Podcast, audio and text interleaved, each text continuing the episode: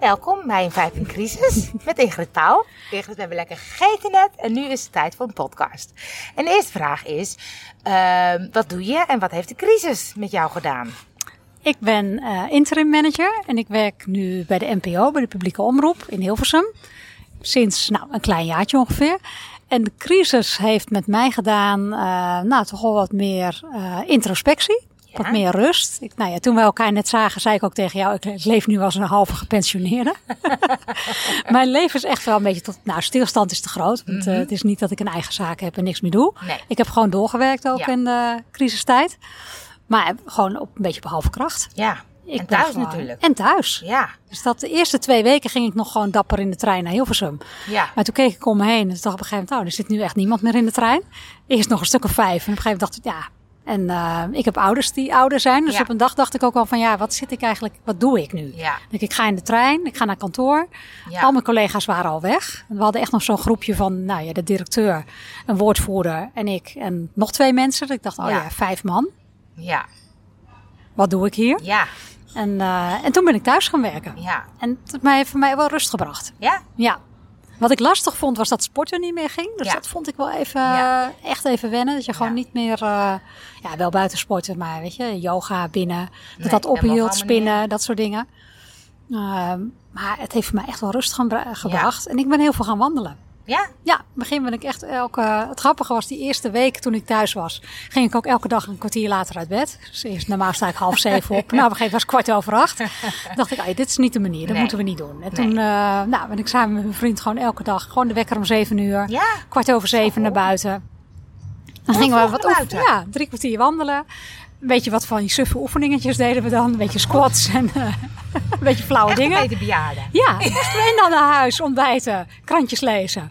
En dan zo negen uur, half tien opstarten. Ja. Want ik startte in het begin ook helemaal niet op. Weet je, dan was het Nee. tien uur, half elf. Oh, dacht ja. ik, ja, dat, dat moet niet doen. Nee. Dus, En op je werk merkt hij daar, want de NPO heeft natuurlijk ook wel wat. eh, ja, bij ons ging de hele, de hele programmering ging om. Ja. Dus opeens ging, weet ik het, één vandaag van vijf dagen naar zeven dagen. Ja. Op één van, eh, van vijf naar zeven. Eh, nou, extra programma's zoals frontberichten Ja. en alles natuurlijk over de corona. Ja. Het grappige was dat ik zelf ook die eerste twee weken, denk ik, toen echt na die lockdown, dat ik ook al die talkshows zat te kijken. Ik Ja, miste niks. En precies. toen, na een week of twee weken, de- en ik zes keer op Oosterhuis had gehoord, toen dacht ik ook, nou, nu is het wel mooi geweest. Dat hoor ik bij iedereen. En toen ben ik podcast gaan luisteren. Kijk. Voor mij is corona ook podcast. Ja? Ja. Dat is grappig. dacht ik Omdat van- je dacht, je wil op een andere manier... Even wat anders doen. En wat, ik ook, en wat ik van tv vind ik een beetje passief dat je dan toch je moet kijken en luisteren. dus precies. je kan, ja, je kan het wel koken bijvoorbeeld. Dat deed ik Ja. dan nog wel eens. Even de iPad in de keuken Ja, zetten. precies. maar wat ik het leuke van podcast vind, is dat je gewoon een wandeling kan maken. Dat je, weet ik het, de was op kan hangen. Dat je gewoon Ja. van alles kan doen. Ja. Dus podcast is voor mij ook echt door Nou, corona Oh, wat leuk. opgekomen. Wat leuk. Nou, nu je eerste podcast. En nu mijn eerste podcast. Oh. Hey, en, ik vind het nu wel leuk, want jij Ja, zei dat we gaan een podcast maken. Toen dacht ik, nou, ik weet niet, wat Moet heb dat ik wel? nou te Moet dat wel? Ja, je hebt zeker wat te melden. Ik vind het heel leuk al. Hey, en vind je dat de crisis het beste of het slechtste in mensen naar boven brengt? Ja, ik ben toch wel positief vanuit. Ja. Ik ben toch wel geneigd om te zeggen het beste.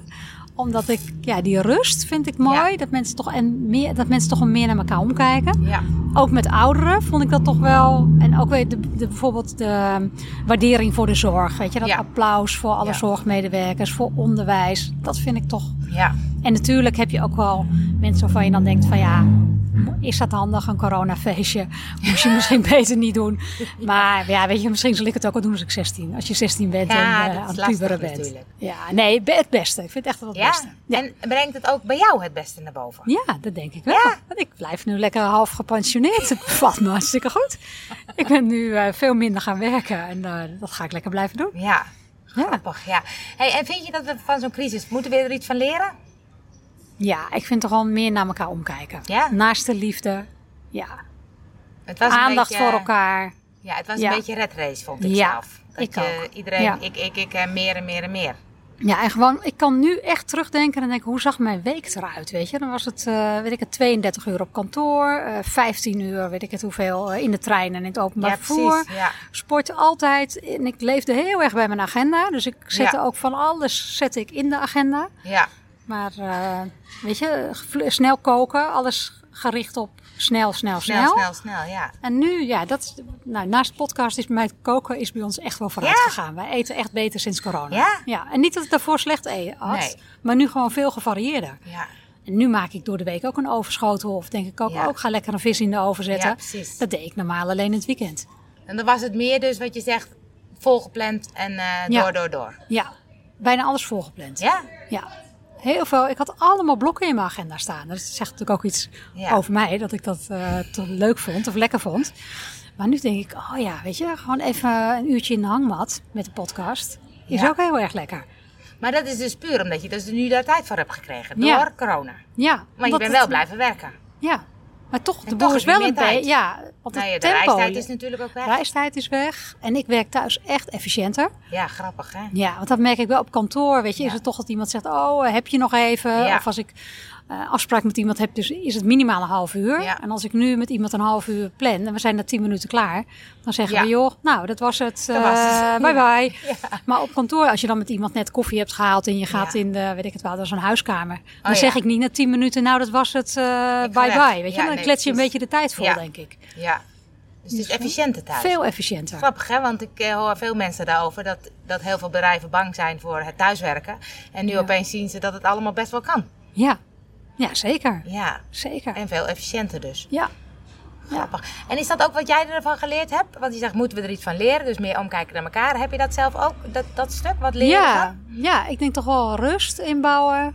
Omkijken. Nou, ik heb besloten om een yogaopleiding te gaan volgen. Kijk, Ik dacht, heel oh ja, heb ik gewoon meer tijd voor. Dat ga ik doen.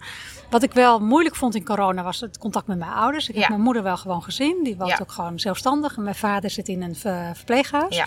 Daar mochten we niet naartoe. Dat vond ik echt heftig, heel verdrietig. Oh, nou. En, eh, ja, en die heeft dementie, dus we hebben wel geprobeerd met, eh met beeldschermbellen. Ja. Weet je, dan zag ik een heel groot oor in beeld. Je moet luisteren. Dat had hij ook Oh, helemaal niet door. Of dan eh, dacht ik toch dat ik er was. Want maak Oh, mijn veters even vast. Mijn veters Oh, ja. zitten los. Ja. Oh, echt? Ja. Die begrijpt het hele concept van beeldbellen. Nee. Begrijpt hij gewoon Nee. niet. En nou, zullen we nu een rondje lopen? Ja, nee, dat ik kan geen dus rondje niet, lopen, nee. want ik ben er niet. Oh was jeetje. En hij kon niet, hij, hij mocht echt niemand op bezoek. Nee. Nee? Nee, want er was daar toen Oh. ook corona. Niet heel veel hoor, maar een paar patiënten. En dan gaat gewoon de Dan gaat het gewoon echt helemaal het- dicht. Zo, ja, dat dus dat vond, ja. ik, eh, dat vond ik wel Ja. moeilijk. Ja. Weet je, dus dan ben ik kaarten gaan sturen. Wat ook Oh, wel heel leuk was. En dan bijvoorbeeld oude kaarten van, weet ik het, dat hij een taart gebakken had voor mijn Oh, ja. verjaardag van vijf jaar geleden. Of Oh, foto's dat hij nog zwom. En, Ja, eh, ja, ja, ja. Maar het grappige was, toen was ik er laatst. En toen zei hij, ja, die kaarten moet je niet meer sturen hoor. Zei hij, want daar, eh, ik schaam me rot. Niemand krijgt kaarten. Ik ben de enige die kaarten krijgt. Dus ik heb ze allemaal verscheurd. Echt? Ja. nou, dat bleek niet zo te zijn. Maar toen dacht ik, oh ja, dat vond hij toch gênant. En toen moest ik een beetje denken aan... eh, Vroeger als je op kamp ging, weet je, dat Oh, dan ja. waren er altijd kinderen die elke dag een kaart Ja, kregen van hun ouders. ja. En ik dacht, nou, dat Ja. deden die En- van mij dan niet. En sommigen kregen niks. En sommigen kregen niks. Nee. Ik Dus kreeg dan één kaart in de week. Maar Ja. hij, op een gegeven moment hij kreeg zoveel kaarten dat hij zich schaamde voor de hoeveelheid Oh, kaarten. Ja. Het toch leuk is dat je weer kaarten gaat Ja. sturen. Vond ik Ja. ook, ja. Ja. Hey, en eh, is er dan ook iets wat je, eh, dat heb je misschien al gezegd, wat je, wat je anders gaat doen na de crisis? Nou, ik hoop eigenlijk dit tempo een beetje vast te houden. Dus Ja, gewoon het lage tempo af vasthouden. Het is natuurlijk, we zeggen allemaal lekker, lekker die rust. Maar het is ook dat je na de vakantie denkt, dit gevoel hou ik lekker vast. En opeens zit je weer in de red race. Ja. Dus hoe hou je hem vast? ja, hele goede vraag. Ja, dat Echt hoop je een dus vast. hele goede, dat hoop ik vast te Ja. houden. Maar als je dan zegt, hoe ga je dat doen? Want die blokken Ja. die komen weer terug in je agenda. Ja. Ja hoe doe ik je dat een- dan? Ja. Ja, Hans, heb ik gewoon geen antwoord. Het is gewoon de hoop dat het... Dat Ja. het ja, misschien moet ik wel ergens een reminder in mijn agenda Ja. zetten of zo. Van, eh, ja. gaat het nog zoals ik wil? Ja, nou ja. Ben ik nog happy? Ja. Ja. Nou ja, het is natuurlijk dat, dat stuk eh, het thuiswerken. eh, blijft dat er een beetje in, denk je? Ja, dat denk ik wel.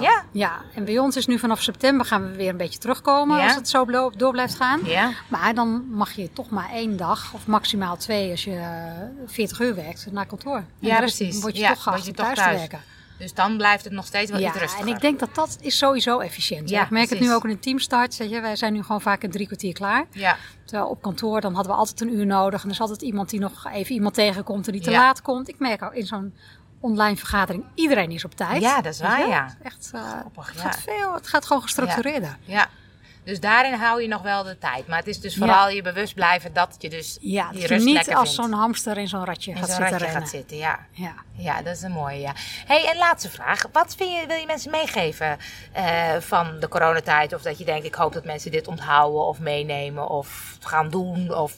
Ja, ik denk nou, kijk een beetje bij een beetje Eberhard van der Laan-achtig. Wees lief voor elkaar, Wees weet je. Kijk een beetje voor, naar elkaar om. Ja. En let even op, ja, weet ik het, je oude buurvrouw misschien. Ja. Of die wat hulp nodig heeft. Of Ja. eh, en naast de liefde. Het lijkt wel een beetje christelijk. Nou, maar ik vind het Een beetje mooi. zorg voor elkaar. Ja, Ja. Leuk. dat vind ik nou, mooi. Dankjewel voor dit leuke Heel interview. graag gedaan. Ik vind het superleuk om te doen.